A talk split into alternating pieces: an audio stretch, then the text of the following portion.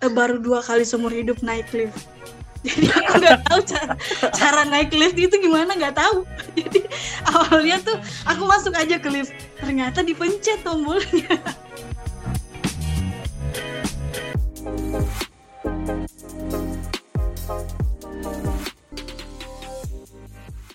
Hai, halo para pendengar setia. Balik lagi di episode terbaru dari Global User Podcast, episode ke-9. Episode kali ini kita kedatangan award di Global User lagi nih, dari batch 2020 yang seangkatan dengan Rizvi dan Amal di episode ke-8 dan 7. Pada episode kali ini, saya ditemani satu host. Halo Kak Jerry, apa kabar? Wah, baik dong Aldin. Kamu sendiri gimana? Uh, baik juga Kak, Alhamdulillah. Oke, keren. Nah, jadi 30 menit ke depan, saya dan Aldin akan membahas pengalaman dan cerita-cerita menarik dari awardee selama menjalani program Global Ugrad. Tanpa panjang lebar lagi, saya persilakan tamu kita di episode kali ini, Fadilah. Halo semuanya. Ya, jadi nama saya, eh, nama aku Fadila. Eh, jadi nama panggilannya itu Milen. Ya, karena di Indonesia itu sangat apa namanya Fadila itu nama yang sangat pasaran ya. Jadi teman-teman aku dari uh, semenjak aku sekolah itu aku dikasih nama Milen untuk membedakan Fadila ini dan Fadila itu. Jadi aku uh, awardee Global U Grade tahun 2020. Aku asal universitas uh, universitasnya itu Universitas Negeri Makassar. Dan um, aku host university-nya di Amerika itu Murray State University. Dan prodi aku itu sastra Inggris. Dan aku majoring the same major di Amerika yaitu English Literature sastra Inggris juga. Ya jadi seperti itu perkenalan singkatnya. Wah makasih. Jadi panggil Milan ya? Iya Milan. kita... iya Milan. Oke. Okay. oke okay, thank you Milan. Thank you untuk short introductionnya. Um, oke okay deh. Yang paling sering ditanya nih Uh, Milen tahu program Global Yogurt dari mana sih awalnya? Uh, jadi aku tahu uh, Global Yogurt itu dari dosen aku, dosen pembimbing aku di kampus UNM. Jadi waktu semester uh, awal-awal masuk semester 3 itu uh, dikasih tahu kalau ada program uh, scholarship yang kayak seperti ini untuk short term like uh, untuk semester pendek kayak 1 sampai 2 semester dari Aminef. Terus kita satu angkatan tuh dikasih tahu kalau uh, kita bisa daftar mulai dari semester itu, semester 3. Jadi uh, cerita pendeknya gitu lah. Aku dikenalin scholarship ini sama dosen di kampus. Oh, gitu ya. Tapi Oke, okay, jadi uh, ini first try kamu untuk daftar Global Ugrad atau udah pernah coba sebelumnya? Uh, Alhamdulillah ini first try dan langsung keterima. Wow. wow. Jadi semester 3 daftar dan langsung keterima. Uh, iya. ya gini, aku penasaran. Uh, hmm. Alasan kamu untuk daftar Global Ugrad itu apa? Apakah untuk coba-coba, uh, untuk persiapan scholarship selanjutnya, atau uh, memang tuju, memang udah punya tujuan untuk uh, belajar di luar negeri? Uh, jadi basic sih sebenarnya ini adalah mimpi semua orang ya aku kira bahwa untuk kayak uh, keluar negeri, sekolah di luar negeri itu adalah impian banget, kayak cita-cita tertinggi gitu. Dan akhirnya aku mendaftar ini tuh kayak tidak berekspektasi tinggi sih awalnya karena yang daftar kan juga aku lihat itu senior-senior yang latar belakangnya sudah sangat wah sekali. Teman-temanku juga bahasa Inggrisnya yang luar biasa sekali tapi aku merasa kayak oh, ya udah sih ya coba aja lah tapi kayak ini emang mimpi dari dulu lah untuk keluar negeri wah asli asli keren nah ngomongin wow. ngomongin um, sebuah mimpi kamu hmm. persiapin daftar Global Ugrad ini berapa lama sih uh, untuk persiapan Global Ugrad itu sebenarnya nggak ada ya. Nggak ada.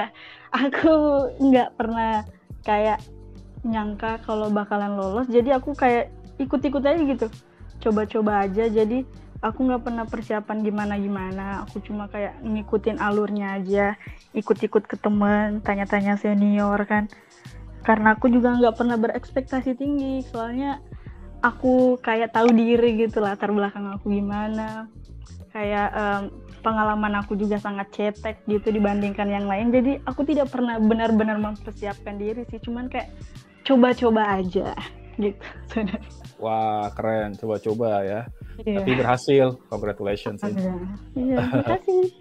Oke, jadi Milen, eh, untuk Mhm. daftar global juga kan kita harus eh, mengirimkan sertifikat TOEFL kita. Mhm. Eh, itu apakah kamu udah punya sertifikat TOEFL sebelum mendaftar atau eh, kamu tes TOEFL-nya pas mau daftar dan mungkin bisa dijelaskan persiapannya seperti apa?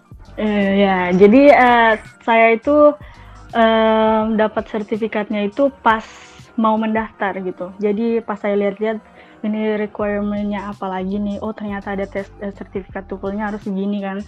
Jadi saat itu eh, alhamdulillah beruntungnya kampus saya itu menyediakan eh, kan kita bisa pakai eh, kayak TOEFL prediction dan kampus aku tuh menyediakan hal itu gitu. Jadi gratis. Karena kami tuh uh, English department students. Jadi kita bisa kayak jadi tiap semester itu kita ada TOEFL prediction. Jadi kayak oh kebetulan aku lagi butuh ini dan aku bisa uh, ikut TOEFL prediction itu. Dan dan gratis gitu. Jadi itu bukan sesuatu yang benar-benar di prepare tapi kayak uh, ya adalah persiapan sedikit-sedikit karena sudah tahu requirementnya apa jadi langsung coba tes lagi lah Wah, menarik. Beruntung banget ya bisa Iya, coba TOEFL prediction gratis. iya. Sa- tadi itu salah satu persyaratan dari Guide yaitu TOEFL. Mhm. Eh, sal- ada juga per- eh, persyaratannya itu melampirkan surat rekomendasi dan itu dua surat rekomendasi. Bis boleh nggak Mhm. ceritain ah, Milen, eh, kamu dapatnya dari siapa dan kenapa kamu milih orang itu untuk eh, surat rekomendasi tersebut? Iya, jadi eh, dua surat rekomendasi itu satunya itu aku minta dari eh, dosen PA, pembimbing akademik aku, dan yang kedua itu dari eh, salah satu profesor di fakultas eh, jurusan aku ya. Jadi aku memilih dua orang ini yang benar-benar pernah mengajar aku, yang udah melihat aku bagaimana kayak eh, prosesnya di kelas. Jadi aku merasa mereka adalah orang-orang yang tepat untuk mendeskripsikan aku itu seperti apa sih orangnya. Apalagi eh, PA aku, dosen pembimbing aku ini adalah orang yang memperkenalkan beasiswa ini ke aku. Jadi aku merasa oh tepat banget nih. Jadi aku memilih dia, beliau sebagai orang-orang yang eh, aku percayakan untuk mm, menuliskan rekomendasi itu. Wah, jadi unik ya cerita Milen soal eh, mendapatkan surat rekomendasi dari dosen yang benar-benar eh, tahu latar belakang Milen. Nah, Mhm. Terus eh, selain surat rekomendasi dan TOEFL, eh, kita juga wajib mengumpulkan atau menulis dua esai untuk melamar Global Ugrad ini. Eh, dan menurut saya eh, dari pengalaman saya sendiri menulis esai ini adalah proses yang sangat panjang dan eh, bisa dibilang sangat rumit. Eh, mungkin Milen bisa cerita sedikit atau eh, tentang pengalaman bagaimana Milen dulu menulis esai dan cara mencari inspirasi untuk menulis esainya itu bagaimana? Hmm, iya.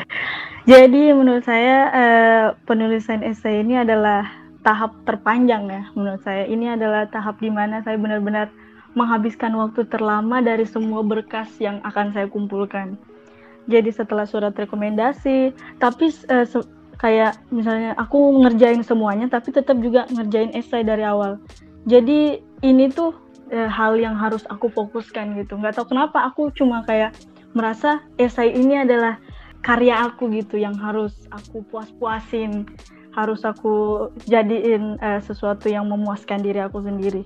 Jadi aku nulisnya itu eh, aku sebenarnya waktu itu agak tergesa-gesa awalnya karena aku baru kayak aku masih nulis esai teman-teman aku tuh udah kayak eh, submit kan. Dia udah masukin semua berkas-berkasnya semua yang dibutuhkan dan aku tuh kayak detik-detik terakhir masih nulis esai. Jadi tahap itu benar-benar aku fokusin kayak tiap hari aku eh, baca lagi. Misalnya eh, set- 20 kayak dua minggu akhirnya esai aku selesai. Terus aku baca lagi aku kayak kurang puas terus aku ubah lagi aku pikirin lagi apa nih yang kayak kurang serk di sini. Jadi aku juga minta saran dari dosen dari yang lain. Pokoknya aku bener-bener eh, sebelum submit esai itu aku harus puas gitu dengan hasilnya. Dan aku kayak jujur banget sih dengan apa yang aku tulis di esai jadi aku tulis pengalaman aku walaupun aku rasa itu tidak sewah yang yang orang lain punya.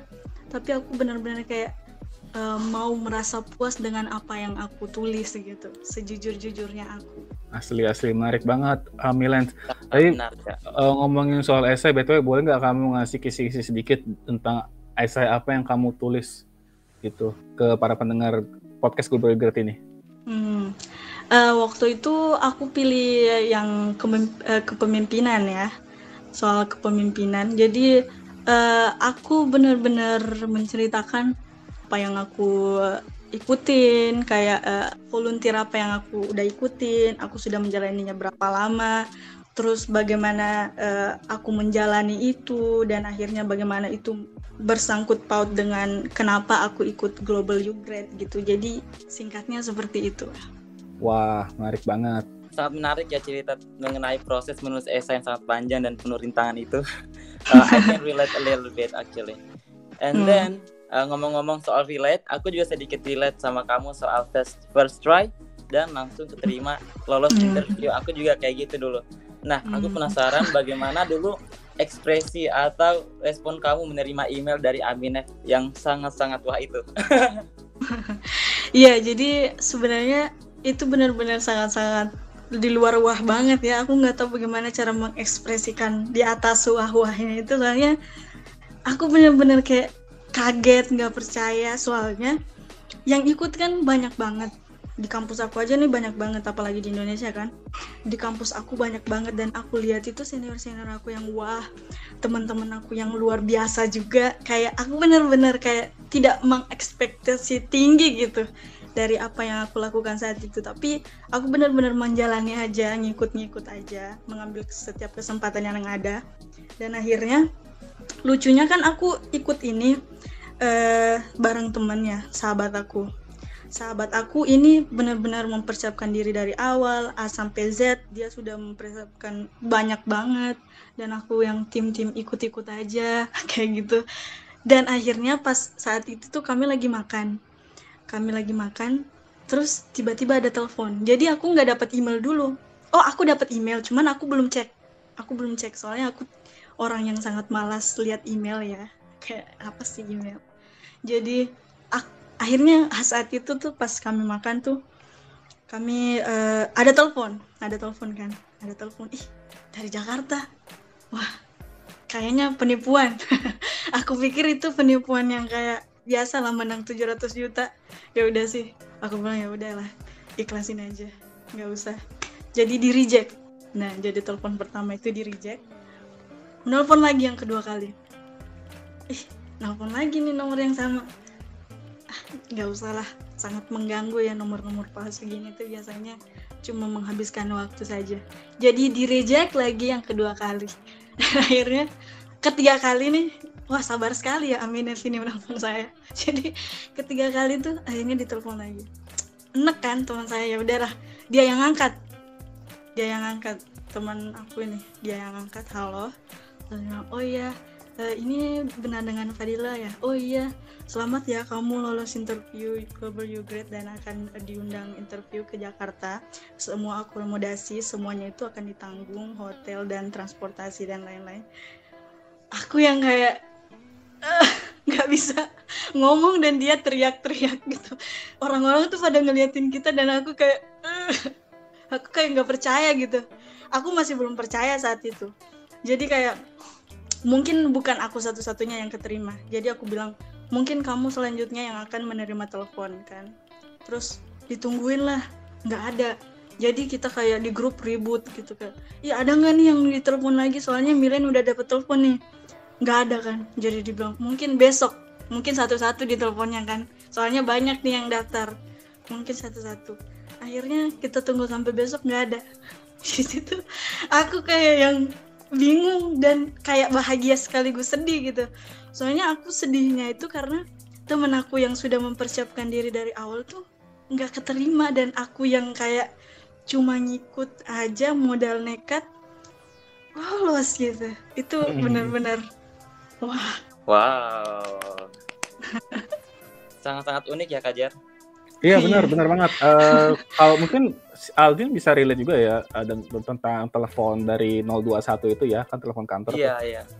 Uh, iya Soalnya kalau, aku juga dulu uh, sebenarnya pas dikirim email aku langsung baca tapi Hmm. eh, bingung mau jawabnya gimana soalnya kan takut salah jawab terus tiba-tiba kamu dibatalkan interviewnya karena balasnya gini jadi kayak agak bingung terus nyari referensi sama dosen gimana ya balasnya bla bla bla sampai Ah. akhirnya kayak semingguan nggak dibalas Aminatnya sendiri yang nelpon dan sama juga aku kira penipuan pas awal Iya enggak. kan?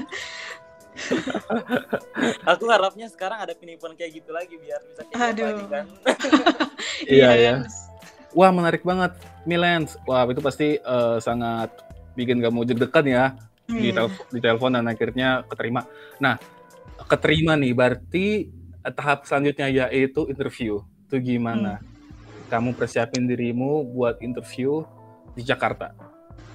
Iya, Eh, benar-benar itu pas aku tahu kan awalnya tuh aku nggak mempersiapkan diri untuk apa-apa. Aku cuma kayak eh, intinya effort aku tuh terbesar itu cuma kayak nulis esai. Sisanya itu aku benar-benar cuma ngikut-ngikut teman, minta tanda tangan, minta ini itu, print ini itu. Pokoknya kayak eh, aku bahkan nggak cuma bertanya ke dosen, eh, ke satu dosen ya soal esai aku nggak sebanyak teman-teman yang lain kayak pergi ke dosen ini, pergi cari em, alumni ini. Aku nggak seperti itu awalnya. Dan akhirnya setelah lolos interview, wah di situ aku baru nih semua adrenalin aku terpacu. Jadi aku benar-benar kayak cari di Google, ini gimana sih caranya atau cari di YouTube eh, interviewnya itu gimana cara menjawab interview. Jadi aku list semua pertanyaan yang kemungkinan bakalan ditanyain ke aku dan eh, aku juga dengarkan se- aku eh, kenal salah satu dosen yang eh, dia pernah ikut juga ini tahun lama udah lama banget lah pokoknya. Dia bilang tuh interviewnya pokoknya full English. Jadi saat itu aku benar-benar kayak jauh sebelum interview aku sudah mempersiapkan untuk ngomong bahasa Inggris terus. Pokoknya aku ngomong sendiri aku masak aku ngomong pakai bahasa Inggris untuk memperlancar jangan sampai aku pas ditanya tuh ngangong-ngangong jadi Hmm, Bener-bener. gitu.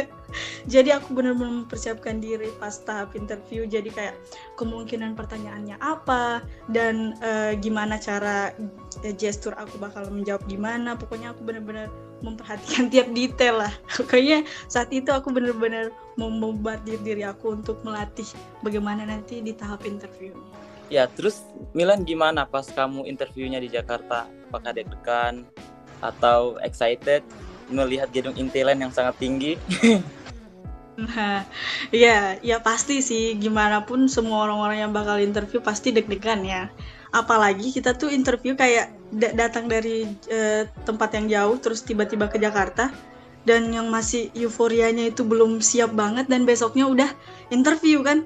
Jadi kayak, wah malamnya itu benar-benar kayak eh, bingung, pusing, dan akhirnya pas paginya itu paginya ditelepon. Harusnya kan eh, kayak eh, apa antrian interview aku tuh yang paling belakang paling akhir. Eh tiba-tiba ada eh, beberapa peserta yang kayak lambat datangnya. Jadinya aku yang kayak eh, kalau bisa datang lebih cepat datang ya Fadila. Jadi akhirnya aku yang kayak oh tergesa-gesa banget nih belum lagi packing.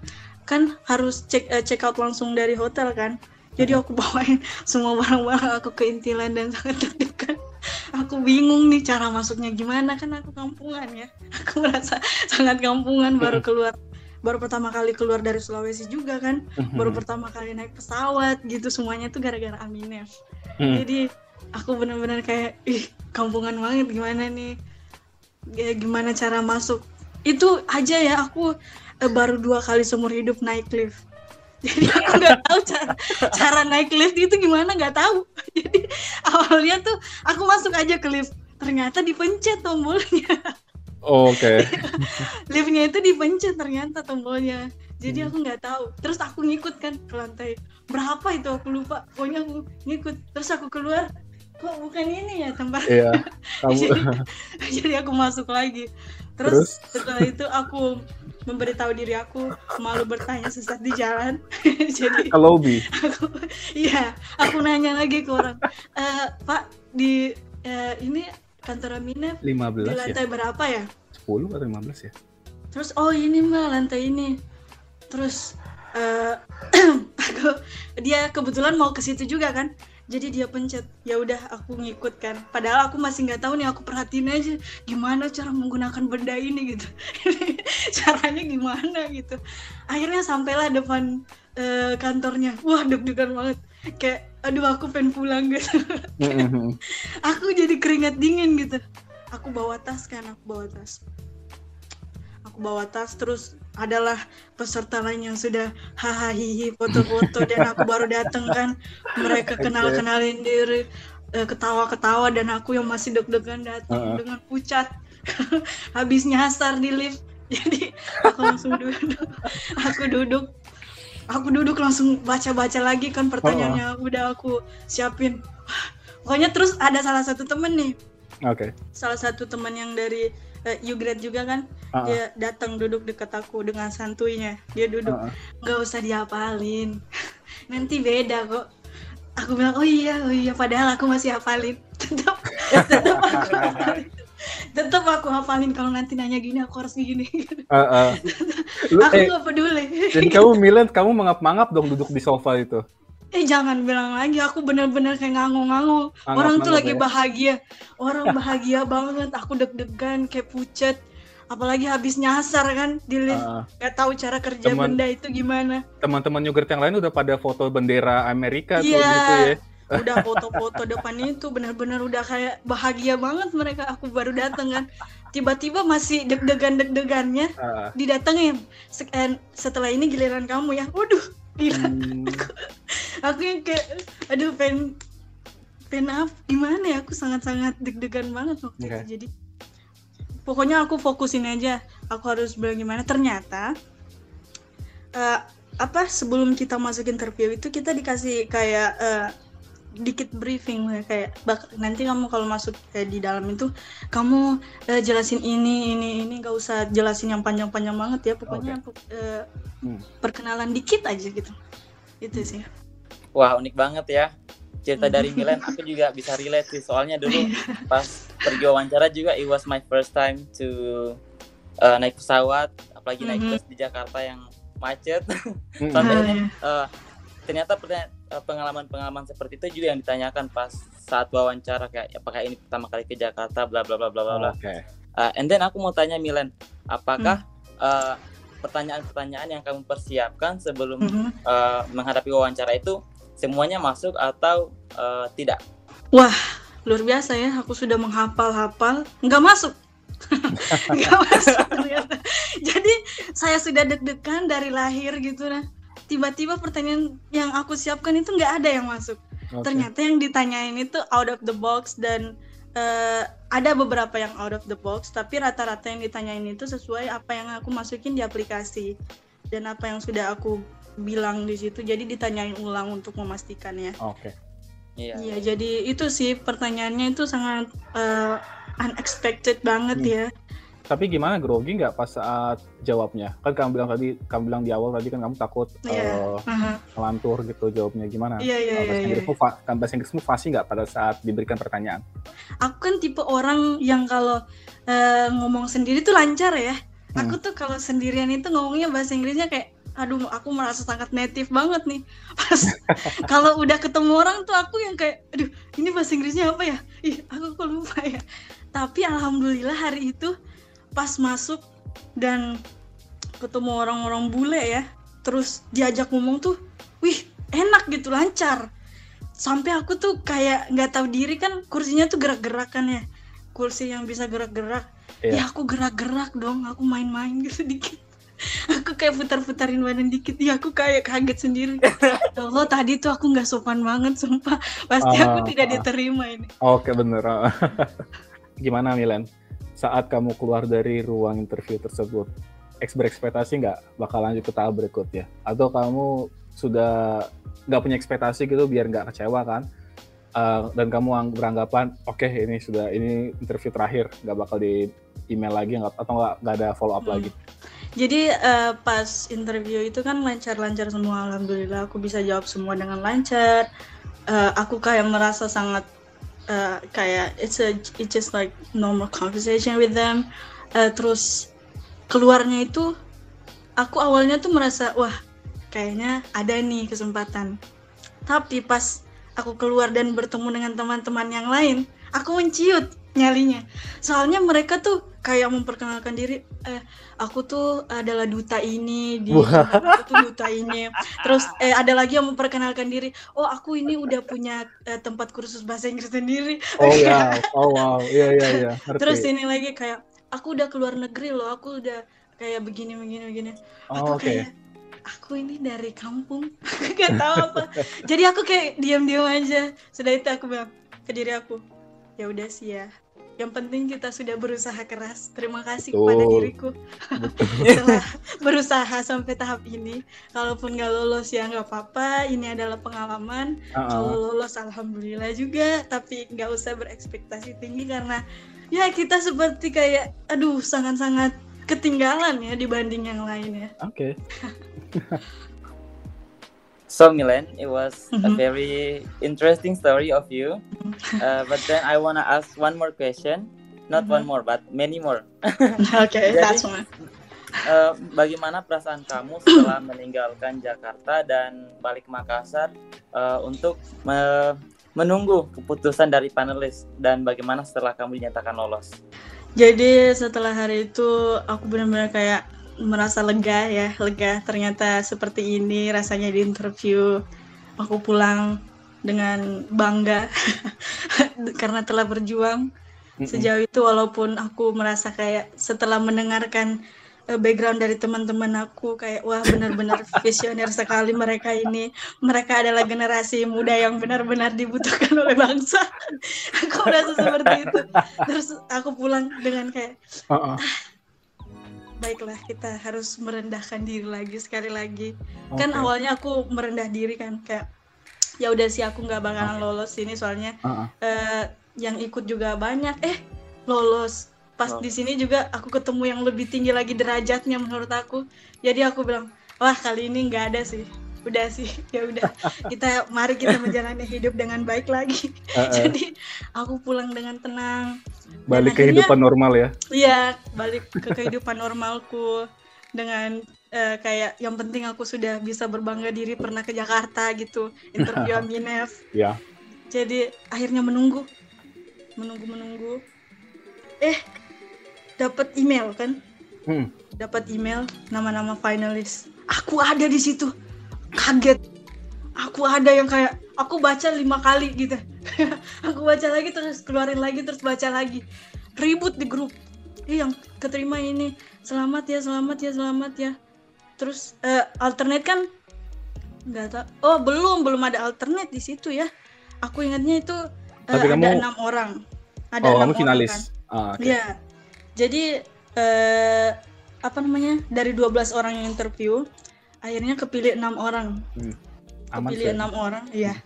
Aku melihat, waduh, nggak mungkin sih. Aminef lihat apa sih? dia dia melihat apa? Karena orang-orang yang aku pikir kayak, wah pasti lolos sih ini. Ini backgroundnya luar biasa Eh, banget sih mereka mereka. Mereka lihat mereka nggak lolos. mereka lihat CCTV kali karena kamu salah satu peserta yang ya tersesat di lift. Iya, mungkin itu ya. Mungkin itu kayak eh, orang-orang yang kayak merasa tersiksa hidupnya itu biasanya doanya dijabah gitu. Iya, iya. Ja- Jadi, ih aku kaget dong. Ih, masa aku finalis nggak mungkin sih nggak mungkin. Hmm. Terus di situ aku eh, waktu interview itu kan Semangat aku ya. baru tahu ternyata Hmm. ada yang dari Makassar juga selain aku, si Amal. Eh, oh ya, tapi uni- Iya. universitasnya beda atau sama? Beda-beda, tapi deket Oke. banget, deket banget universitasnya. Oke. itu sih cerita lucu juga sih soal ketemu Amal tapi ya udahlah skip. Terus eh, akhirnya keterima kan finalis. Aku bilang "Eh, enam orang. Aku merasa sangat bersalah gitu. Kayak aku nggak tahu kenapa aku merasa beras- bers- merasa bersalah karena diterima gitu. Bingung juga. Aku sangat merasa rendah diri. Akhirnya eh, enam orang kita Mhm. disuruh tuh kalau IBT kan. Dikasih tau lah bahwa eh, ini yang setelah tuple IBT dikasih tahu bahwa ini yang akan gini nah lolos kan di tahap Hmm. selanjutnya. Jadi dari enam orang dikat lagi jadi tiga gitu awalnya. Oh, Awalnya tuh cuma tiga. Jadi alternate-nya itu cuma dua. Salah satunya tuh dikat lagi kasihan banget. Maksud aku kan kasih oh, jadi oke. alternate lah ini yang satu lagi tuh. Tapi Ah, ya udah. Tapi yang satu itu benar-benar udah dikat jadi sisa lima tapi dua itu alternate Ah iya iya Nah. iya. dua itu alternate jadi kayak kita tuh hampir berpikir kayak wah ini bakalan menjadi kandidat Aminef tersedikit sih kita merasa kayak kita bakalan yang paling sedikit sepanjang sejarah Oh, eh, kamu, kamu pada saat itu nggak punya eh, nggak punya pengetahuan kalau tahun tahun sebelumnya tahun di maksudku tahun di sebelum itu lima juga. kan ini tiga gitu Oh sorry totalnya. iya iya Maksud- tiga Maksudku jadi total, aku oh totalnya total ya. oh enggak aku aku pikir tuh kayak eh, mungkin lima yang finalis dua alternate gitu Oh, atau satu oke. alternate Oke. Jadi- tapi ini kayak tiga yang jadi finalis terus dua alternate. Hmm. Oh, satu alternate waktu itu. Satu alternate. Tiba-tiba si Tiba-tiba ya. Hani, iya, Ah, iya. Hani keangkat lagi jadi alternate. Heeh. Alternate terus akhirnya kayak kita tuh tiga orang tuh yang kayak aku sih amal dengan eh, siapa? Eh, Arthur, aku merasa mereka sangat pantas ya. Aku nih, aku yang merasa sangat rendah diri sampai yang aku masih merasa rendah diri. Aduh, aku lolos nih gimana ya? Jadi kayak wah luar biasa banget sih. Aku sangat tidak berekspektasi sejauh itu sampai akhirnya kayak aku tidak mau mem- membeberkan ya. Aku yang sangat tidak mau membahas bahwa aku lolos sampai tahap ini. Aku membiarkan teman-teman aku tuh taunya aku cuma eh, lolos tahap interview. Sejauh eh, selanjut selanjutnya aku diem. Hmm, oke. Iya, jadi menarik banget ya cerita dari Milen soal perjuangan jatuh bangunnya Asik. dan insecure-nya sampai akhirnya terpilih menjadi finalis. Nah, sekarang uh, we will move about your experience when you are going to the US. Jadi, um, first of all, I wanna ask you, how was your trip to the US? Mhm. Jadi em, itu adalah perjalanan terpanjang seumur hidup aku. Kayak, aduh, dari eh, dari Indo kan, dari Indo aku udah deg-degan nih. Dari Indo, terus eh, ke Jepang kan, ke Jepang. Jepang Narita. Iya, Narita. Iya. Aduh lama banget. Di situ aku capek banget, capek banget kan. Capek banget kayak ini pesawatnya kok nggak berhenti berhenti. Aku udah capek tidur kan. Aku udah bangun tidur lagi, bangun tidur capek banget aku. Jadi pas sampai di Tokyo, terus eh, beberapa jam lagi lanjut, eh, lanjut lagi kan ke Amerika, ke Dallas Dallas. sampai ya itu jauh banget berapa belas jam ya itu benar-benar aku benar-benar di situ muak gitu. Aku seumur hidup kan aku kalau misalnya eh, apa namanya ke kampung aku dari Makassar nih ya ke kampung itu 8 jam perjalanan. Aku kayak dari Jakarta ke Tokyo tuh udah enak-enaknya pas sampai di sana terus lanjut lagi ke Amerika itu titik termuaknya itu yang pas aku lihat masih 8 jam lagi. Kayak aku udah duduk miring berdiri Iya, jalan. iya. aku udah temen ya orang yang duduk di sebelah aku tuh pasti risih gitu. Iya, soalnya iya. encok banget aku kayak pengen emosi gitu. Aku kayak pengen turunin aku di sini. Aku capek gitu.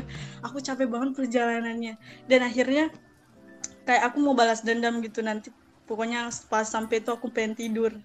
Jadi lanjut lagi kan dari eh, Dallas itu ke mana ya? Oh ke Nashville. Oke. ya akhirnya ke Nashville kan di situ terakhir. Akhirnya pas sampai di situ aduh aku bener-bener kayak aku nggak mau pulang gara-gara mengingat perjalanan pulang itu akan sama panjangnya. Jadi itu bener-bener melelahkan. Kayak hampir dua hari sih perjalanan itu sampai ke sana. Dan benar-benar pas aku sampai kan aku yang lain tuh em, teman-teman aku yang lain tuh eh, langsung ke kampusnya Oh, oke. alhamdulillahnya aku tuh pas sampai tuh di- dikasih hotel Oh, langsung dikasih hotel jadi aku istirahat dengan nyaman aku bahas dendam aku tidur sampai capek Terus kan ini Milen se perjalanan internasional atau eh, penerbangan internasional pertama kamu. Iya. Mungkin ada cerita menarik yang mau disampaikan kepada pendengar kita. jadi waktu itu kan aku haus ya aku alhamdulillah bawa ATM Genius aku alhamdulillah bawa ATM Genius. Aku haus. Ini gimana caranya ya? Aku nggak punya uang dolar. Jadi gimana cara membelinya? Aku punya ATM BRI kan? Jadi aku transfer dari ATM BRI aku ke Genius. Terus aku cobalah aku videoin diri aku kan. Mari kita mencoba apakah ATM ini berhasil di luar negeri. Astaga aku terharu banget pas akhirnya tuh. Aku haus-hausnya kan terus aku cobalah ATM Genius itu. Dengan Bismillahirrahmanirrahim. Wah berhasil. Aku terharu. Aku meneteskan air mata. Ternyata Genius itu berhasil di luar negeri guys. Dan akhirnya aku bisa minum. Gara-gara Itu ATM kejadiannya Genius. di bandara mana? di bandara eh, Texas Dallas. Pas di Wow. Amerika. Kan kalau di pesawat ya? iya. Kalau di pesawat eh, Jepang tuh kita benar-benar di treat like a queen. Kayak Iya, dikasih makan dikasih minum terus. Kayak mereka tuh nggak tidur cuma jalan-jalan bawain air gitu. Ada yang minum nggak? Nggak ada. Tidur lagi. Jadi pas yang di Amerika itu aku baru haus banget. Dan kan eh, kalau bawa air minum kan dibuang ya? Iya iya iya. jadi pas nunggu itu baru kita bisa beli air minum di dalam. Tapi kan di bandara kebanyakan bandara internasional apalagi di US sebenarnya banyak ini water tap atau apa namanya eh, itu untuk minum. Nah itu. Atau isi refill Itu. botol di bandara. itulah itu. Luar biasa. Nggak tahu aku tidak tahu cara pakainya nggak tahu cara pakainya luar biasa. Aku liatin orang. Gimana ya? Mereka gimana ya? Itu benda cara pakainya kita deketin mulut tapi gimana nih pas aku datang kan deketin mulut nggak keluar airnya. Jadi aku sok-sok cool aku balik lagi duduk. Haus banget haus banget ternyata ada yang dipencet dipencet. ada yang ya. iya ada yang ditekan akhirnya keluar airnya tuh tapi aku belum tahu di situ tapi akhirnya ATM Genius shout out to Genius yang telah menyelamatkanku dari kehausan Iya. Wah, mantap mantap ceritanya. apalagi tuh pas aku sampai Amerika ya koper aku rusak koper Oh. aku tuh pas aku lagi nunggu bagasi ya Hmm.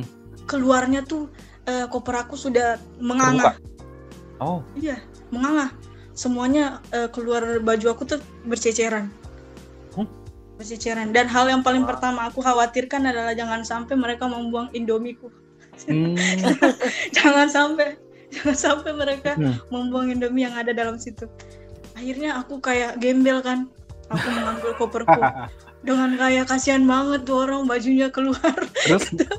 Bisa, masih bisa di resleting atau nggak bisa atau gimana? udah nggak bisa pokoknya tuh Ah. menganga gitu rusak rusak Oh. banget Mungkin rusak nggak parah pakai TSL loh, jadi dibongkar pakai pakai enggak Oh, pokoknya cuman rusak. aja kali ya. iya rusak, Rusak. emang bukan yang kayak eh, rusak gimana pokoknya kebelah gitu kayak Ah, ngerti. rusak namanya juga koper murahan ya Mungkin belinya di pasar butung. iya itu benar benar sekali benar sekali anda benar sekali kita pilih yang paling murah gitu. Dan rusak. juga pas pergi di US, pesannya di pasar butung, pas pulang Nah. pesannya juga rusak. nah rusak Oh, banget kan oh, rusak oke. parah Ah, dan Tingkatnya aku gimana? merasa aku merasa eh, ini bukan tanggung jawabku dong mereka harus ganti rugi aku merasa Oke. gitu iya jadi aku eh, pokoknya aku nanya banyak banget orang yang aku tanyain sampai akhirnya koper aku diganti Wah, Hmm. thank nggak God. mau aku bener-bener nggak mau aku harus diganti kopernya pas diganti alhamdulillah dapet yang bener-bener wow kayak Hmm. ini kayak pas aku dikasih kopernya ya aku bilang wah ini koper impian aku yang ini yang ini yang aku mau beli di Indonesia tapi harganya jutaan gitu Kayak apa Samsung Samsonite gitu kah? Nggak tahu tipenya apa. Pokoknya intinya luar biasa. Ini koper yang aku yang dari Indonesia aku liatin terus kayak Oh, wow. ini sih bagus sih yang ini tapi mahal ya. Jadi kita yang ini aja. Pa- dan jadi akhirnya rusak dan dikasih koper Jadi impian aku pada saat- bahagia. pada saat itu pas kamu feeling komplain langsung dikasih gitu di hari pada saat itu juga. iya.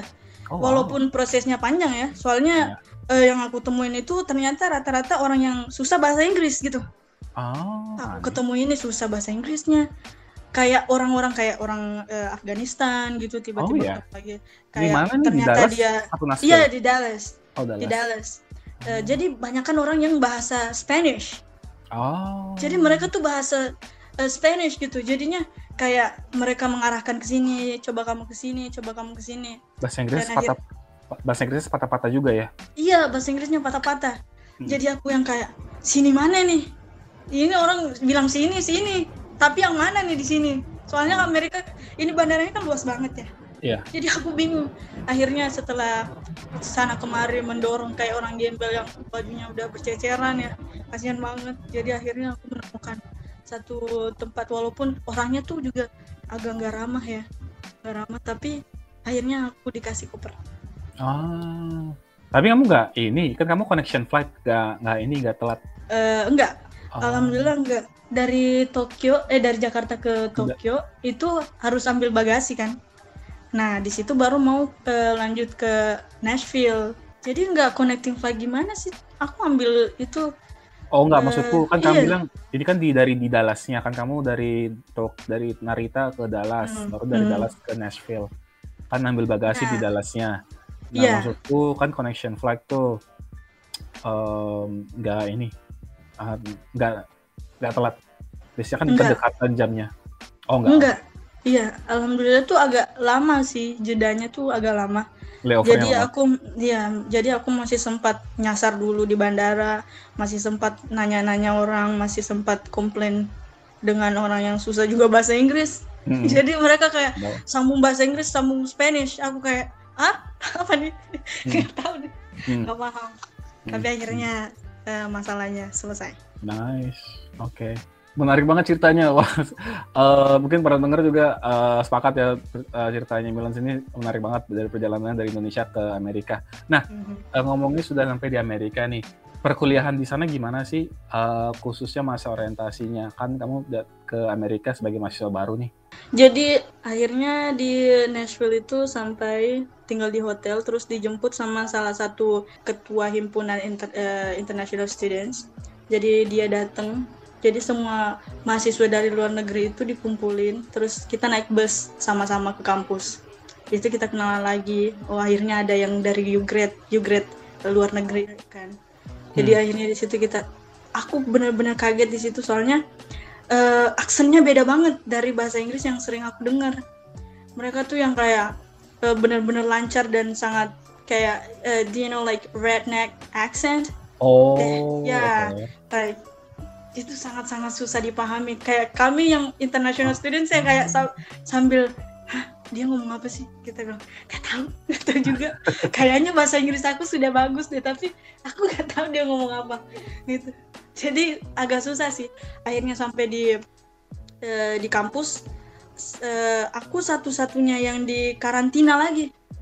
Jadi sebelum masuk perkuliahan normal, eh, bukan sih perkuliahan normal itu sebelum diperkenalkan sama lingkungan kampus, kita di di karantina selama tiga hari di kampus dulu. Oh, Iya. oke. Di dorm di dormnya langsung atau di tempat lain? dormnya langsung di dormnya Oh. langsung jadi ada satu dorm yang khusus untuk eh, mahasiswa luar negeri yang pokoknya mau dari Ugrade kayak pokoknya semua yang dari luar negeri itu dikarantina selama tiga hari di situ.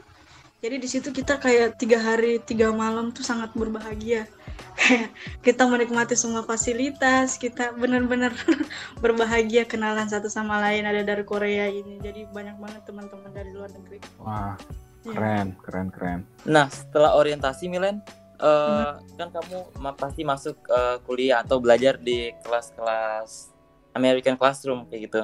Yes. Eh, menurut kamu apakah ada perbedaan antara eh, perkuliahan di kampus di US dan di kampus yang ada di Indonesia tempat kamu kuliah? Eh, ya jelas banget sih. Aku nggak bisa mengeneralis mengeneralisasikan bahwa di Indonesia tuh kayak gini, sedang- eh, sedangkan di Amerika gini. Tapi di eh, kampus aku yang di Indonesia dan kampus aku yang di Amerika itu sangat berbeda sekali.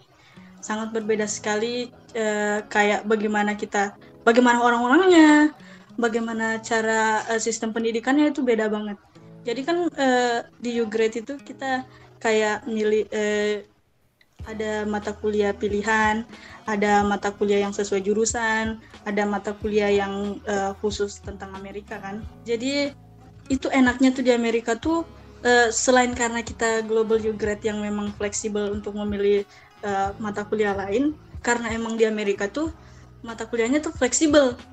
Nah jadi walaupun kita kayak kalau di Indonesia kan eh, Hmm.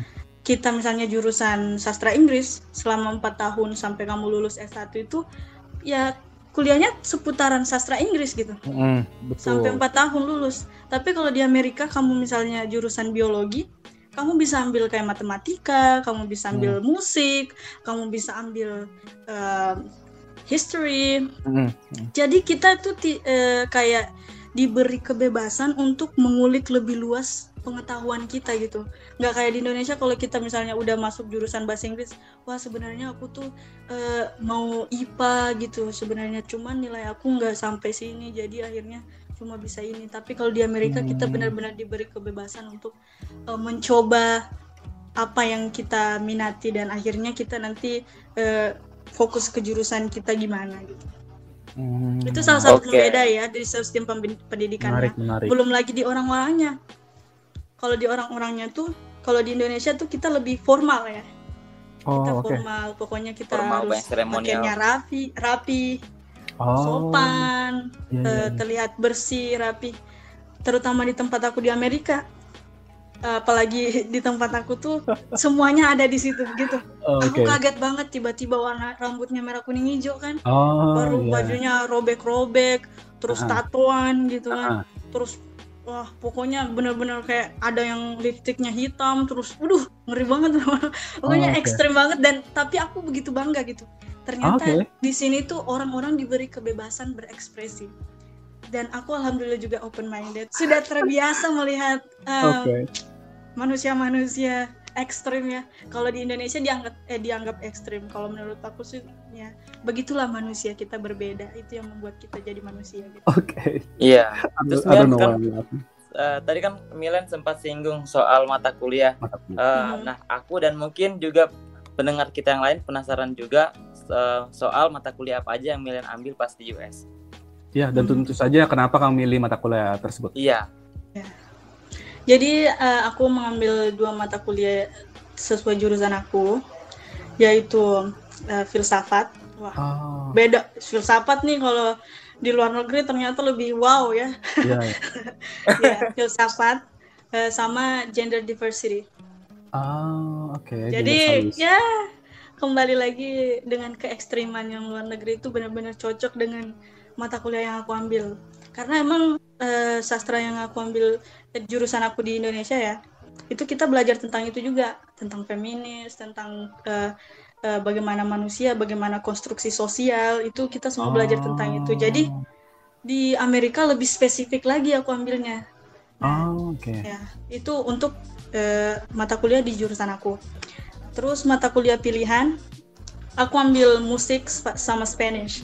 Gara-gara Ah, di oke. DLS aku ngangong-ngangong, jadi akhirnya aku ambil mata kuliah Spanyol. Nah, karena musik aku suka musik, jadi aku ambil musik karena kalau di Indonesia tuh cuma fokusnya ke sastra doang, ke sastra Inggris. Jadi kita tidak diberi kebebasan untuk eh, menelusuri jalan lain. Jadi akhirnya aku bisa kayak setidaknya ada mata kuliah yang membuat aku bahagia gitu. Jadi kalau- aku bisa tenang. Jadi kalau musik kamu play playing instrumen atau bahas playing ilmu instrument. musik? Oh, oke. Wow. Ya. Jadi waktu itu aku mau ambil kelas piano, tapi Oke. karena sudah tutup, tutup jadi aku ambil kelas gitar. Ah, Aku ambil kelas gitar. Jadi sekalian kayak aku tidak menganggap itu kelas sih. Aku menganggap itu ruang di mana aku bisa main-main gitu. Ah, iya seru ya soal Iya, kelasnya ya. seru banget. Ah, Jadi setelah ngangong-ngangong di kelas yang super-super em, kayak kita harus fokus. baca gitu. Iya, baca. Jadi akhirnya kita punya ruang refreshing gitu. Terus eh, apa mata kuliah yang untuk membahas Amerika, aku memilih political science. Nice. Ya, American Political Science. Jadi eh, itu kelas yang aku ambil yang kita harus ambil kan kalau you grade yang mengenai benar. Amerika.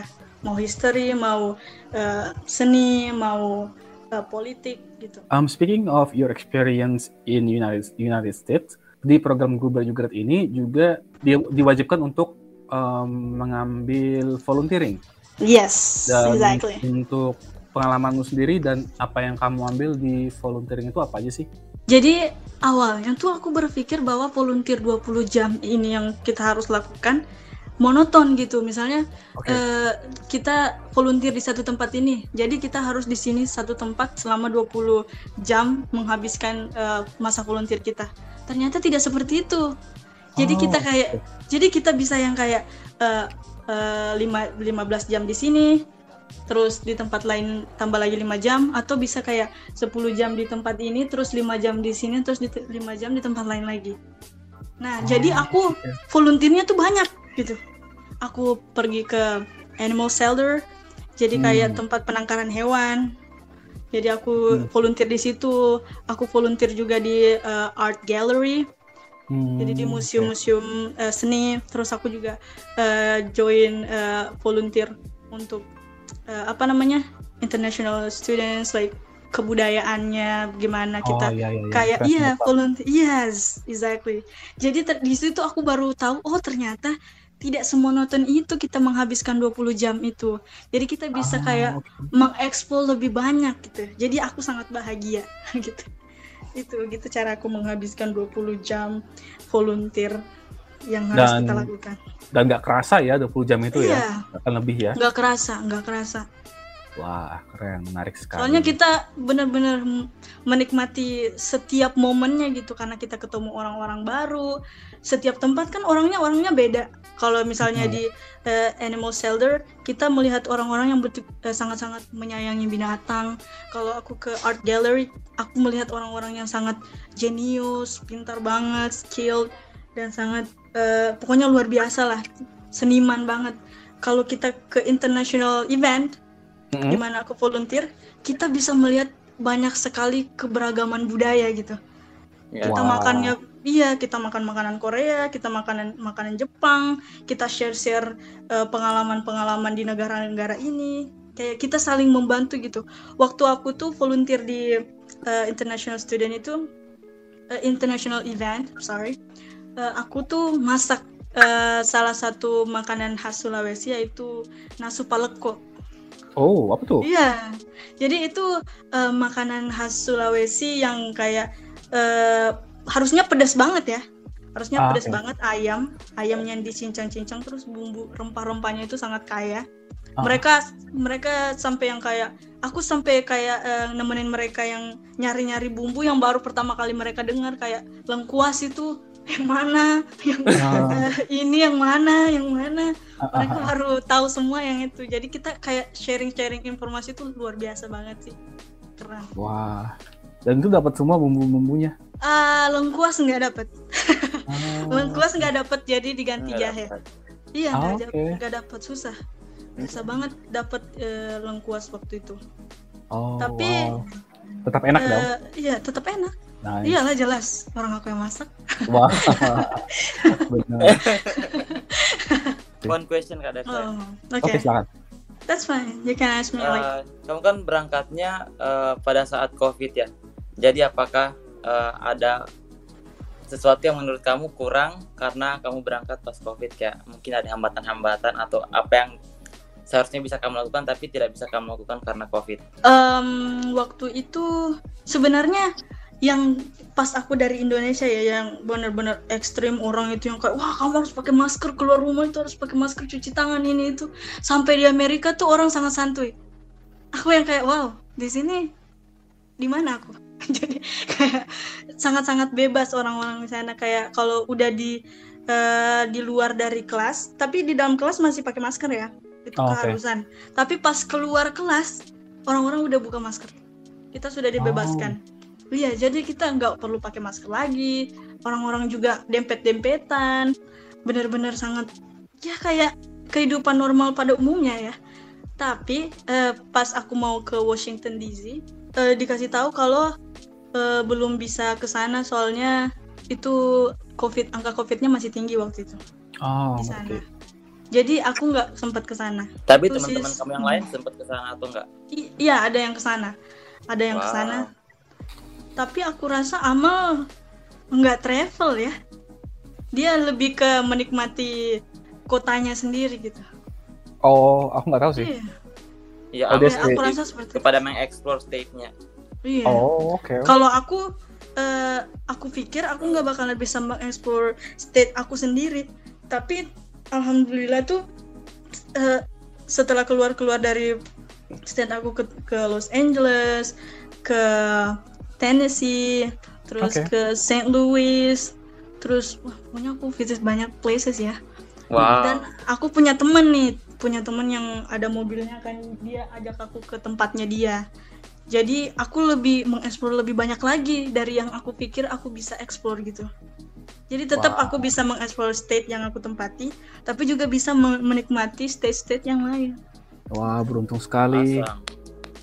Yeay. Wah, eh Milen sekali lagi terima kasih untuk cerita-ceritanya menarik banget, sangat menginspirasi dan eh, saya yakin dan juga Aldin juga yakin buat para pendengar pasti bakal bermanfaat banget.